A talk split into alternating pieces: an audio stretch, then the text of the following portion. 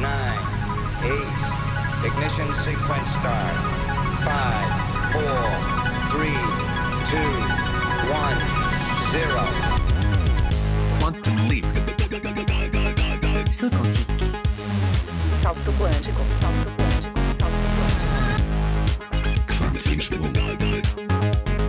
Salto quantico. Salto quantico. Salto quantico.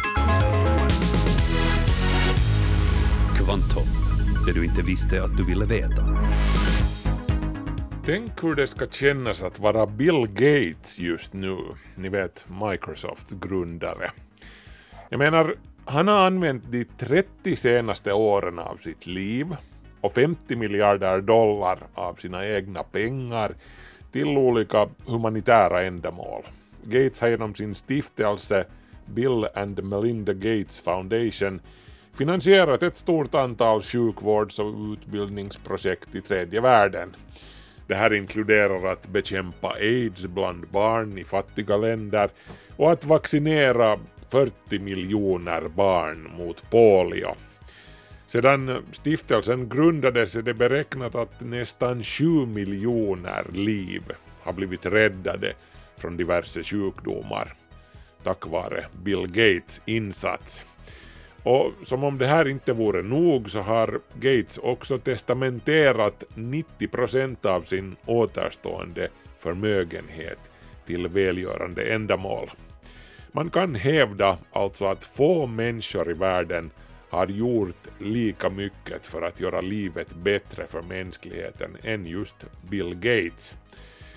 Ändå ser jag dagligen på sociala medier folk som kopplar ihop Bill Gates och de mest vrickade konspirationsteorierna, inklusive att Bill Gates avsiktligt sprider covid-19 för att sedan kunna injicera folk med någon sorts spårningsnanochips i samband med det kommande coronavaccinet. Folk målar upp Gates som den värsta antikristus som äter småbarn till frukost, ungefär. Och det här gör de med datorer som sannolikt inte skulle existera om inte Bill Gates och Microsoft hade varit med om att utveckla dem och mjukvaran som de använder. Jag menar, snacka om ironi och snacka om att otack är världens lön. Nå, nu ska jag lugna ner mig och säga någonting om vad kvanthopp innehåller istället idag. Vi ska bland annat uppmärksamma en spännande astronomisk milstolpe. Nu i veckan publicerades nämligen det första fotografiet någonsin av en planet som håller på att uppstå i ett ungt solsystem. Vi ska fundera lite närmare på det här med hur solsystem kommer till. Men vi ska också höra mer om hur ökad förståelse om hur kroppens immunsystem reagerar på coronaviruset kan vara nyckeln till effektivare behandlingar och ett bra vaccin. Vår reporter Niklas Fagerström har tittat närmare på det här.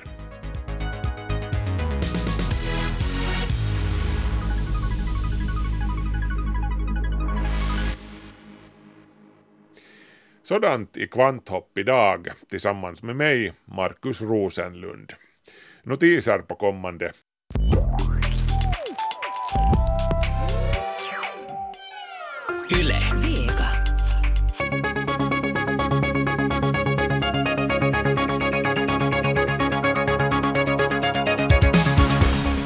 Från och med i år begränsas alla nya Volvo-bilars topphastighet till 180 km i timmen. Det här beslutet som redan har hunnit skapa livlig diskussion på webbens bilsajter är ett led i Volvos ytterst ambitiösa nya trafiksäkerhetspolicy som utgår ifrån att inte en enda människa ska skadas eller dö i en ny Volvo från och med nu. Och statistiken visar att en av de överlägset vanligaste orsakerna till personskador på vägarna är fortkörning. Volvo planerar därför också nya intelligenta fartbegränsare som automatiskt skulle tvinga bilen att sakta ner då den rör sig i närheten av en skola eller ett sjukhus till exempel. Volvo säger att de vill skapa diskussion om huruvida biltillverkarna har rätt eller rent av en plikt att förse bilarna med teknik som ingriper då föraren orsakar risker på grund av nedsatt reaktionsförmåga eller buskörande helt enkelt.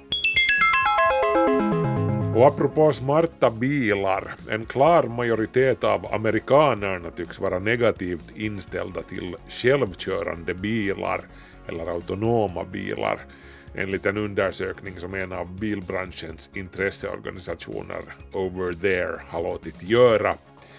Tre fjärdedelar av de tillfrågade sade att den autonoma tekniken ännu inte är redo för att släppas loss 48 procent sade att de under inga omständigheter skulle sätta sin fot i en självkörande taxi eller något annat autonomt fordon för bildelning. 20 procent tycker rent av att självkörande bilar aldrig kommer att bli säkra. På den andra sidan av staketet fanns sedan de 34 procent som trodde att fördelarna med de självkörande bilarna kommer att överväga nackdelarna, men bara hälften av de här sade sig vara beredda att själva köpa en autonom bil. På det stora hela såg ändå en majoritet av de tillfrågade positivt på bilar vars teknik stöder föraren vid körningen, så länge som det alltid är föraren som har sista ordet. Det amerikanska energidepartementet har lanserat ett nytt stödprogram för kärnkraft som ska resultera i minst två stycken nästa generations kärnreaktorer, så kallade små modulära reaktorer. De ska stå klara inom sju år. Departementet skjuter in 230 miljoner dollar nu i år och privata aktörer står sedan för resten. Det är ännu oklart vilka företag som är med och tävlar om att få konstruera reaktorerna, men många tippar på att bolaget Newscale hör till dem. De har utvecklat en liten modulär tryckvattenreaktor som är 23 meter hög och 5 meter i diameter, väger 700 ton.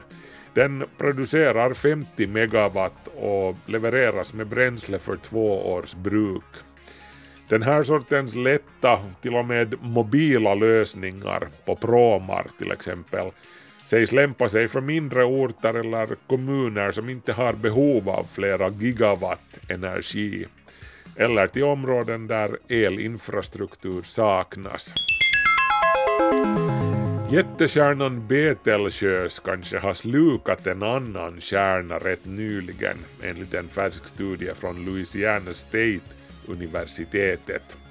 Det här skulle förklara varför Betelgeuse roterar så fort som den gör med 5 kilometer i sekunden vid ekvatorn.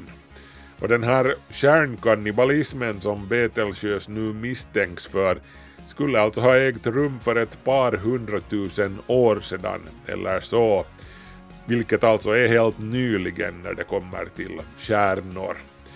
Betelgeuse beter sig vårdligt också på andra sätt, inte minst i och med att den hotar explodera som en supernova inom den relativt nära framtiden. Så färdas den också genom rymden med en hiskelig fart med 30 kilometer i sekunden. Forskarna tror att det beror på att den har kastats ut ur en större kärngrupp. Inte så konstigt kanske om den äter sina kompisar.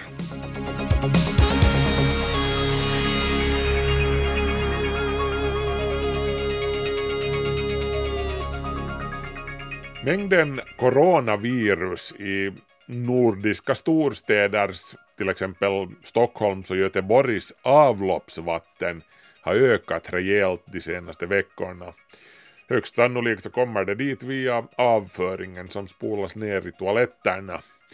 Paris stad har vidtagit enorma försiktighetsåtgärder för att undvika coronavirusets spridning via metropolens olika bevattningssystem man måste noggrant tänka över hur vatten används på offentliga platser, menar flera forskare. Flera internationella vetenskapliga tidskrifter har uppmärksammat Paris stränga åtgärder. Så här kan det låta när folk badar i den enorma fontänen mellan Trocaderoplatsen och Eiffeltornet i Paris. Vanligtvis fylls den med renat vatten som hämtats från närliggande floder och kanaler runt om Paris. Det har alltså inte varit dricksvatten tidigare i denna fontän. Säkerhetsreglerna är enormt stränga gällande metropolens vatten i och med coronakrisen. Numera så fylls den med dricksvatten eftersom folk badar i den ibland. Så länge det är osäkert om covid-19 kan spridas via vatten stoppade kommunalpolitikerna i Paris i mitten av april stadens upptag av vatten i floderna. Detta för att inte drabbas av ett hårt bakslag gällande människors hälsa. Det förklarar här Laurent Moulin, expert och talesperson för Paris stads vattenförsörjning. La ville a décidé d'appliquer un, un principe de précaution raisonnée en disant s'il y a des traces de génome, eh bien euh, le mieux c'est de pas utiliser cette eau pour faire tous les, les, les nettoyages, enfin tous les usages. Och Paris var en av de första städerna i Europa att larma om halter av covid-19 i vatten som brukats för att tvätta boulevarderna eller bevattna parkerna.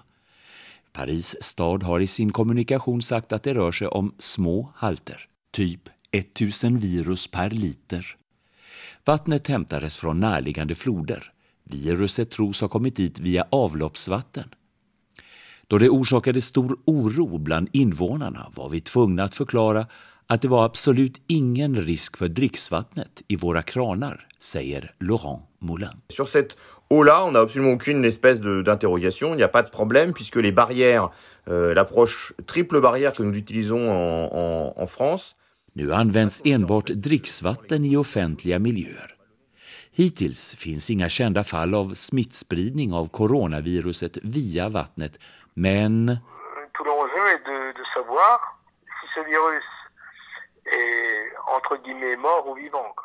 det finns heller inga klara bevis på att covid-19 verkligen inte kan smitta via vatten. Det säger här forskaren Christophe Ganser som forskar i ämnet vid Frankrikes största forskningsinstitut, CNRS. Även den franska arméns forskningsinstitut undersöker frågan. Forskaren, som finns i västfranska Nantes, uppmanar myndigheterna i Finland till ökade försiktighetsåtgärder. Bon, après, il est toujours préférable d'utiliser des eaux euh, de bonne qualité pour faire cela. Man måste noggrant tänka över hur vatten används på offentliga platser eller vilket vatten som används till bevattning på åkrarna i kommunerna, säger han. I väntan på forskningsresultat har man på vissa håll i Frankrike stoppat slam från avloppet som används till gödsel på åkrarna. Även fiskodlingar som ligger i närheten av avloppsutsläpp har stoppats, liksom bevattning av vinfält från luften. I närheten av folk måste man sluta spruta med vatten som har spår av coronaviruset. Aerosoler måste undvikas, det vill säga pyttesmå fuktpartiklar som kan spridas i luften och sedan andas in av människan, säger forskaren Christophe Ganser. Eh, par mesure de précaution, il est, il est quand même souhaitable de ne pas générer d'aérosols euh, avec ces eaux. Ja, när kommunens trädgårdskillar vattnade stora växter framför mitt hyreshus häromdagen frågade jag dem om det var dricksvatten i slangen. Och de svarade absolut, bara dricksvatten. Oui, monsieur, c'est de l'eau de robinet. Christophe Ganser hoppas vara färdig med sina resultat om cirka en månad. Johan Tolgert var reporter i det inslaget. Lite senare här i Kvanthopp ska det handla om hur vår förståelse för hur kroppens immunförsvar reagerar på coronaviruset leder oss allt närmare ett vaccin och en effektiv medicin mot covid-19.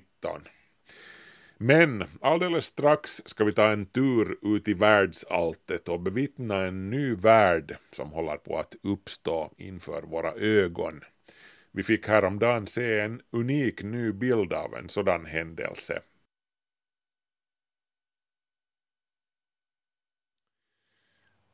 Hör mer efter Crowded House med låten Into Temptation.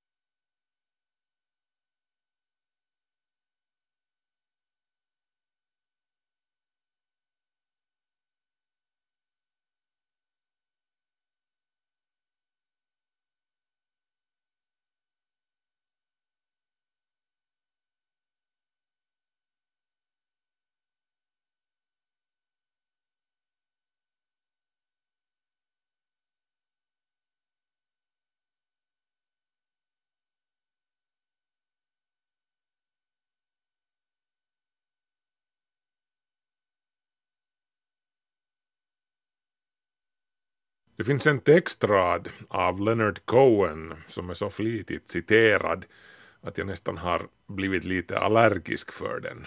Men det hjälps inte att det är en av de mest insiktsfulla saker som han någonsin sade, som någon någonsin har sagt. There is a crack, a crack in everything. That's how the light gets in. There's a crack in everything. That's how the light gets in. Det finns en spricka i allt sammans. Det är så som ljuset kommer in. Jag har alltid tolkat det här som att det är sprickorna i oss alla som gör oss till dem vi är. De små bucklorna och skavankerna. Det är det som gör folk intressanta. Inte det utslätade, perfekta och photoshoppade. Det ligger en djupare sanning i det här också på det kosmiska planet. En, en nyckel till skapelseberättelsen, till storyn om själva världarnas tillblivelse. Storyn om hur jorden blev till, hur hela solsystemet blev till. I begynnelsen, ser ni, jag har alltid velat inleda en story med de orden. I begynnelsen var allting ett stort, kallt och mörkt moln av vätgas och stoft som svävade i rymden. Tycker man om stora och kalla mörka moln av vätgas och, och stoft som svävar i rymden så, så kan man ju trycka på pausknappen i det här skedet. Är man av den typen som tycker att det borde finnas någonting mer i livet än, än stora moln som svävar i rymden så ska man titta lite längre framåt för det kommer mera.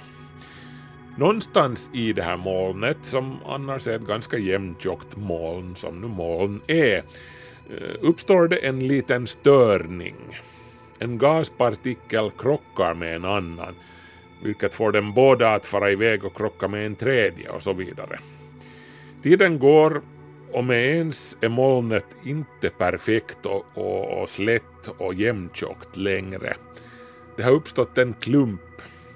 Klumpen blir större, vilket får klumpens gravitation att bli större, vilket får den att dra till sig ännu flera gaspartiklar och så vidare. Till slut är klumpen så stor att den kollapsar in i sig själv av sin egen gravitation, vilket får vätgaspartiklarna att börja slås ihop eller fusioneras. En kärna är född.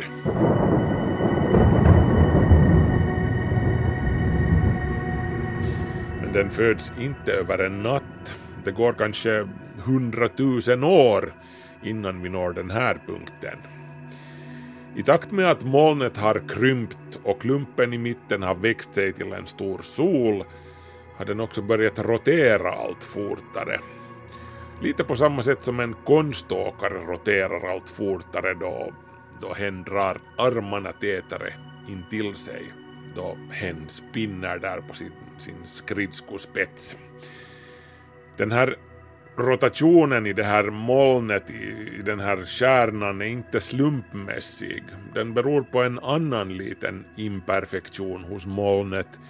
Molnet stod inte stilla från början. Det hade en liten, knappt märkbar rotation redan från allra första början. Och nu roterar den nyfödda kärnan och den återstående gasen och stoftet i, i samma riktning, bara att mycket fortare. Det här får det återstående molnet som omger kärnan att plattas till, lite som degen som pizzabagaren snurrar på.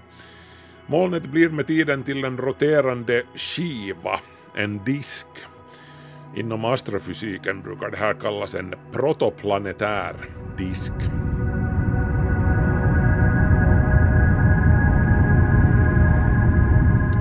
Inte heller den här roterande skivan av stoft och gas är perfekt. Det uppstår små störningar i den också. Små knutar eller malströmmar i det omgivande flödet. Stoft, pyttesmå gryn av silikater börjar samla ihop sig till allt större och större klumpar. Ni inser vart det här är på väg, eller hur? Just det, vi bor på en sådan klump fyra och en halv miljarder år senare. Jorden var en gång en liten störning, en liten knut i den protoplanetära disken som spann runt solen då den var riktigt ung. Eller spann tillsammans med solen ska vi säga. Samma gäller för de övriga planeterna såklart också. Länge var det här med hur solsystem uppstår på ett teoretiskt plan. Det var så här som forskarna utgick från att det gick till då också vårt solsystem kom till. Nebulärhypotesen kallas den här bilden av hur man har tänkt sig att solsystem föds. Men med tiden har framstegen inom kärnfysiken gett oss en inblick i de här processerna som skapar kärnor. Vi har till och med lärt oss att imitera den här processen som driver solen, vätefusionen, också om det är i en oerhört blygsam skala tills vidare. Och samtidigt har teleskopen blivit allt större och känsligare, vilket har lett till att vi nu kan se den här sortens händelser med våra egna ögon. Vi kan se världar som håller på att bli till, bokstavligen. Den här veckan publicerade Europeiska sydobservatoriet, ESO, en studie som inkluderar en bild av en aldrig förskådad exakthet av just det här, en planet som håller på att bli till. Bilden i fråga föreställer den protoplanetära disken som omger den unga stjärnan AB Aurige i stjärnbilden Kusken på 520 ljusårs avstånd från jorden. Bilderna som ingår i den här studien är tagna med ESOs stora optiska teleskop VLT i Chile. Samma motiv studerades faktiskt redan för några år sedan med hjälp av radioteleskopet Atacama Large Millimeter Array eller ALMA, också det beläget i Atacamaöknen i Chile. Det var då man insåg att den här protoplanetära diskens spiralarmar av stoft innehöll någonting intressant, en störning som behövde avbildas med större skärpa. Och sagt och gjort, nu har vi en skarp och fin bild av just det här. En störning, en liten malström i den stora spiralen. En störning som hundratals tusen år eller miljoner år in i framtiden kan bli en fullfjädrad planet. Också vi här på jorden kan tacka en just sådan störning för att vi överhuvudtaget finns till. Att vi kan existera här idag och förundras över vår egen existens krävde ju i och för sig ännu en sak för att kunna bli av. Den här störningen i virveln behövde inträffa på ett avstånd från själva kärnan, från solen alltså, som var just lämpligt för att det varken skulle bli för hett eller för kallt på den blivande planeten jorden för att vatten i flytande form skulle kunna existera. Det villkoret uppfylls inte nödvändigtvis för den blivande planeten vid AB Aurige. Eh, den ligger på ett avstånd från sin kärna som ungefär motsvarar Neptunus avstånd från solen här hemma. Och det är ganska sannolikt att vi snackar om en gasjätteplanet i stil med Jupiter och Saturnus, eller rent av en så kallad brun dvärg, för stor för att vara en planet, men för liten för att vara en kärna. Men det är hur som helst mycket sannolikt en värld i färd med att födas, som vi nu har fått skåda. En syn som man hade sett för fyra och en halv miljarder år sedan om man hade vänt teleskopet åt vårt håll från något av de omgivande kärnsystemen.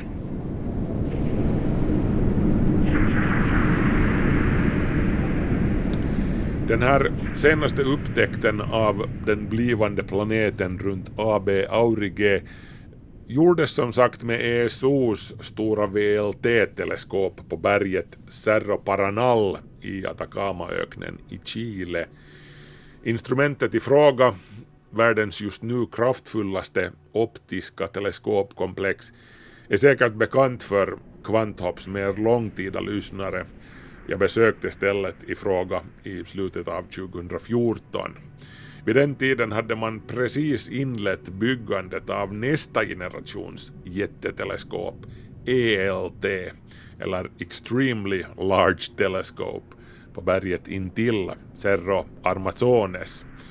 Ja, jag vet, VLT och ELT, jättestora teleskopet och ännu större teleskopet. Eh, astronomer är urusla när det kommer till att ge sina teleskop säljande namn. Nå jo, det 2800 ton tunga ELT kommer att klå sin föregångare VLT i alla tänkbara avseenden. Det kommer att ha en spegel på 39 meter i genomskärning. Det nuvarande flaggskeppsteleskopet VLT har fyra stycken 8,2 meters speglar. Okej då, imponerande siffror helt säkert, men vad betyder det? Nå, i praktiken betyder det det här att ELT kommer att fånga upp 13 gånger mer ljus än dagens känsligaste teleskop, inklusive föregångaren VLT. Det kommer att ge oss 16 gånger skarpare bilder än rymdteleskopet Hubble är kapabelt att prestera. Färdigt ska ELT stå 2025 enligt tidtabellen. Vi rymdfans, vi, vi lever med andra ord i spännande tider.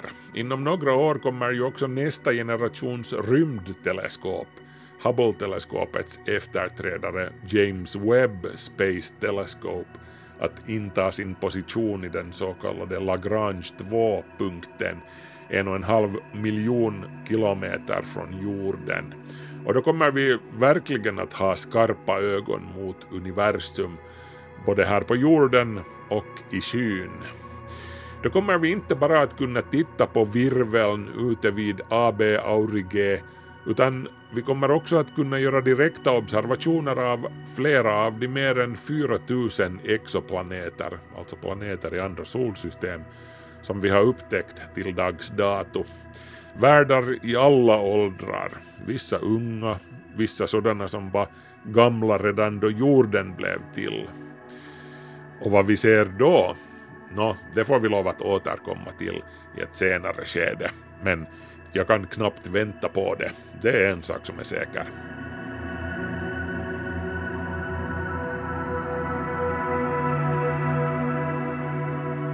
Kvanthopp, det du inte visste att du ville veta.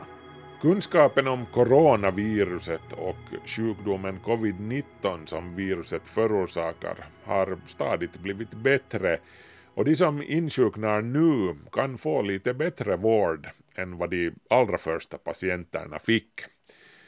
Man vet också allt tydligare att viruset inte bara kan angripa luftvägarna. Att förstå ännu mer om hur kroppens immunsystem reagerar på coronaviruset kan vara nyckeln till effektivare behandlingar och ett bra vaccin. Det rapporterar vår reporter Niklas Fagerström som har tittat närmare på saken. Det pågår en hel del forskning om coronaviruset på det medicinska universitetet Karolinska institutet i Sverige. Överläkare Anders Sönnerborg verkar som professor i klinisk virologi och infektionssjukdomar här. Han är chef för en avdelning där forskare försöker utveckla antivirala läkemedel och har god koll på vad man nu vet och inte vet om coronaviruset och immunförsvaret. Sönnerborg börjar med att berätta vad som sker när coronaviruset kommer in i kroppen. När viruset då infekterar slemhinnan bakom näsan eller i svalget så um, ska ju kroppen då, precis som vid alla andra virusinfektioner eller andra infektioner, reagera med det så kallade medfödda immunförsvaret. Vi alla har alltså två typer av immunförsvar, det medfödda och det specifika. Det medfödda är mer ospecifikt och reagerar på allt som kommer in. Det som borde ske när kroppen först lägger märke till coronaviruset är att det medfödda immunförsvaret skapar något som kallas för interferon. Det är ett protein som har antiviral effekt och utlöser försvarsreaktioner i cellerna. Det här förekommer ju vid alla virusinfektioner som kommer in, vanliga luftvägsinfektioner och influensa och annat också. Då. Men forskning har visat att kroppen inte producerar så mycket av proteinet interferon mot coronaviruset. Då innebär det förmodligen att den här virusförökningen i munhålan och bakom näsan, den är ju enorm. Det produceras otroligt höga nivåer av virus. Han tillägger att om interferon hade producerats så som normalt så skulle det antagligen ha blivit en lindrigare infektion och mindre virusförökning i munhålan. Kroppen skulle då troligen snabbare få bukt med viruset. Trots det här läker infektionen ändå ut för de allra flesta, antingen med milda symptom eller med vanliga influensaliknande symptom i de övre luftvägarna. Orsaken till det är att kroppens specifika immunförsvar efter några dagar kickar in och börjar hjälpa till. Det är direkt inriktat på att angripa själva viruset. Det specifika immunförsvaret har två slag av vita blodkroppar. Först kommer B-cellerna. De bildar antikroppar som fäster sig vid virusen och resultatet blir att de förstörs. De här antikropparna blir lösliga, de simmar runt i eh, sekretet eller i blodet. Och så stöter du på en virus, ett virus, så binder det här fast till viruset. och och eh, på det viset så sker en så kallad neutralisation, det vill säga att eh, viruset bryts ner helt enkelt. Kort efter det dyker T-cellerna, det cellulära försvaret, upp. De dödar infekterade celler. Oftast klarar de vita blodkropparna av att hejda coronavirusinfektionen. Men hos vissa personer så fungerar det inte och viruset kan ta sig långt ner i luftrören, ända till luftblåsorna i lungorna där syresättningen av blodet sker. Det är speciellt utmärkande för det nu aktuella coronaviruset. Varför viruset ibland lyckas med det här hos vissa patienter är tills vidare oklart. Kanske är det mer eller mindre en slump, eller så finns det någon klar mekanism bakom det. Det berättar överläkaren Anders Sönnerborg som alltså verkar vid Karolinska institutet. Att man får lite torrhosta hos ganska många, det är ju tecken ändå på att viruset åtminstone försöker ta sig ner i lungorna. Och om det lyckas så får immunförsvaret ofta problem. Av någon anledning som inte är klarlagd och det här är ju liksom egentligen nyckeln till att det går så dåligt hos vissa patienter. Att det blir helt okoordinerat det här immunförsvaret nere i lungorna. Det är det cellulära immunsystemet som blir för aktivt. Fenomenet kallas för cytokinstormar och innebär att det börjar bildas signalsubstanser eller cytokiner i alltför stor skala. Istället för att kroppen skulle ta koll på viruset så uppstår då en kraftig och farlig inflammation. Ungefär som man skulle få en infektion i huden, det blir rött och svullet i huden då, så samma sak ser ut inne i lungan då. Det blir vätska, det blir svullet och det blir massor med celler som är där och som inte fungerar ändamålsenligt. Att kunna blockera cytokinstormar skulle vara ett viktigt vapen i kampen mot viruset. Det är alltså inte viruset som i sig själv är farligt, utan det farliga är hur kroppen reagerar på viruset. Det man vet är att det ofta är äldre personer som drabbas hårdare. Dessutom är både cytokinstormar och dödlighet i covid-19 av någon anledning lite vanligare bland män än bland kvinnor. Samtidigt får vissa personer sjukdomen asymptomatiskt utan att alls uppleva symptom. Vad det beror på vet man inte ännu. Men det är oftast yngre som får en lindrigare variant av covid-19. Det spekuleras i, och det finns nog en viss substans i det, att eh, de här receptorerna som viruset använder för att infektera luftvägscellerna, att de finns i mindre utsträckning hos små barn och ungdomar. Mindre antal receptorer kan alltså leda till mindre mängd virus i luftvägarna enligt den här hypotesen. Och i och med att det blir mindre virus så blir um, sjukdomen lindrigare och immunreaktionen behöver inte vara så stark då för att ta bort eh, mindre mängd virus. Han betonar ändå att det här inte behöver vara hela förklaringen till varför barn ofta drabbas lindrigare.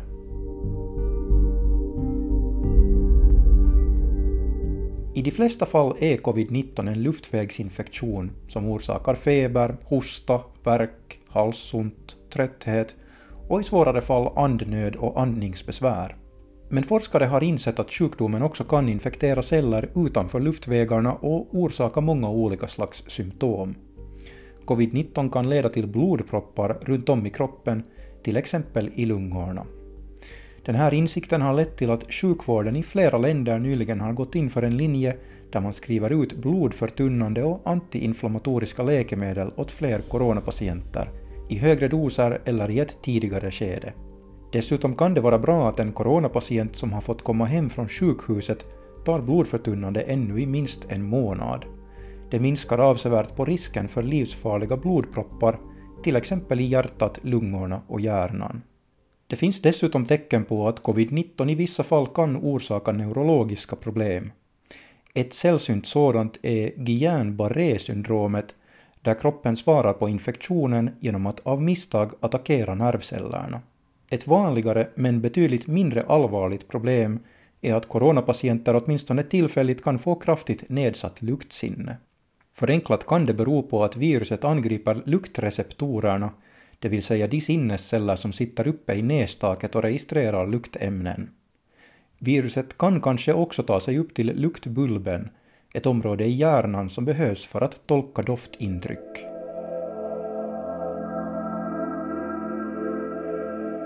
En viktig fråga är också hurdan immunitet man kan få mot coronaviruset sars-cov-2.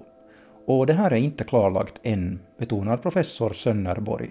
Men de studier som pågår nu med de tekniker man har talar ju ändå för att en stor del av de som infekterats utvecklar immunitet.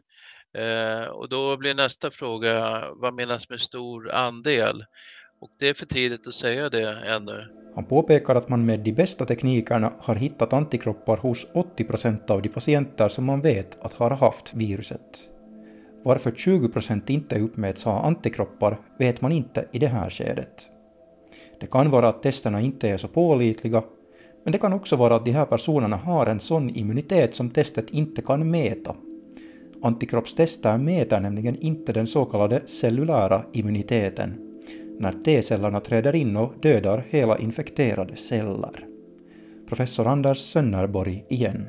Vi försöker eh, kartlägga det här med kombinera antikroppsanalyser och eh, de här cellulära analyserna av immunitet. Och de cellulära analyserna de är mycket mer manuella, mycket jobbigare att göra så att det är ingenting man kan göra egentligen i stor skala på människor, i större, större antal människor, utan det får man göra inom ramen för olika forskningsprojekt.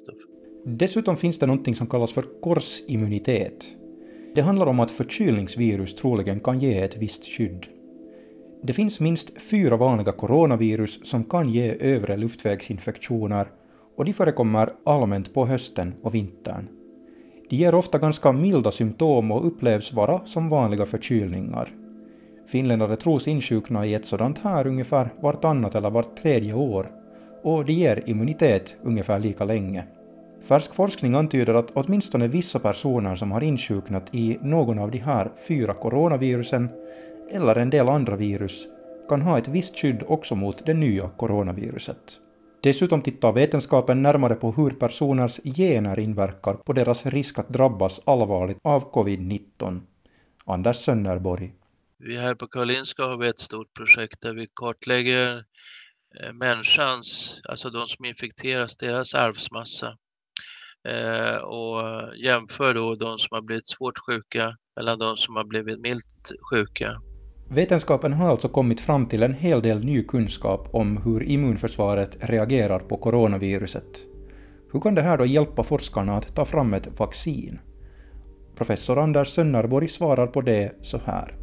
Det är naturligtvis av stor vikt att veta om det här viruset överhuvudtaget kan ge immunitet, vilket det säkert kan då.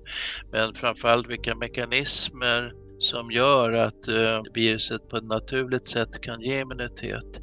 Eh, och med mekanismer menar jag inte minst vilka delar av viruset är viktigt. Mycket forskning återstår men man är på god väg. Om bara några månader väntas forskare världen över ha betydligt mer kunskap om covid-19 än vad man har idag. Och vi kan vara flera steg närmare både läkemedel och vaccin mot sjukdomen.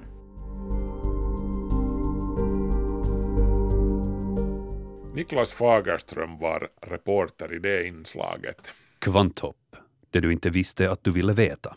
Och med det är Kvanthopp slut för den här veckan. Markus Rosenlund heter jag som tackar för sällskapet och säger på återhörande om en vecka.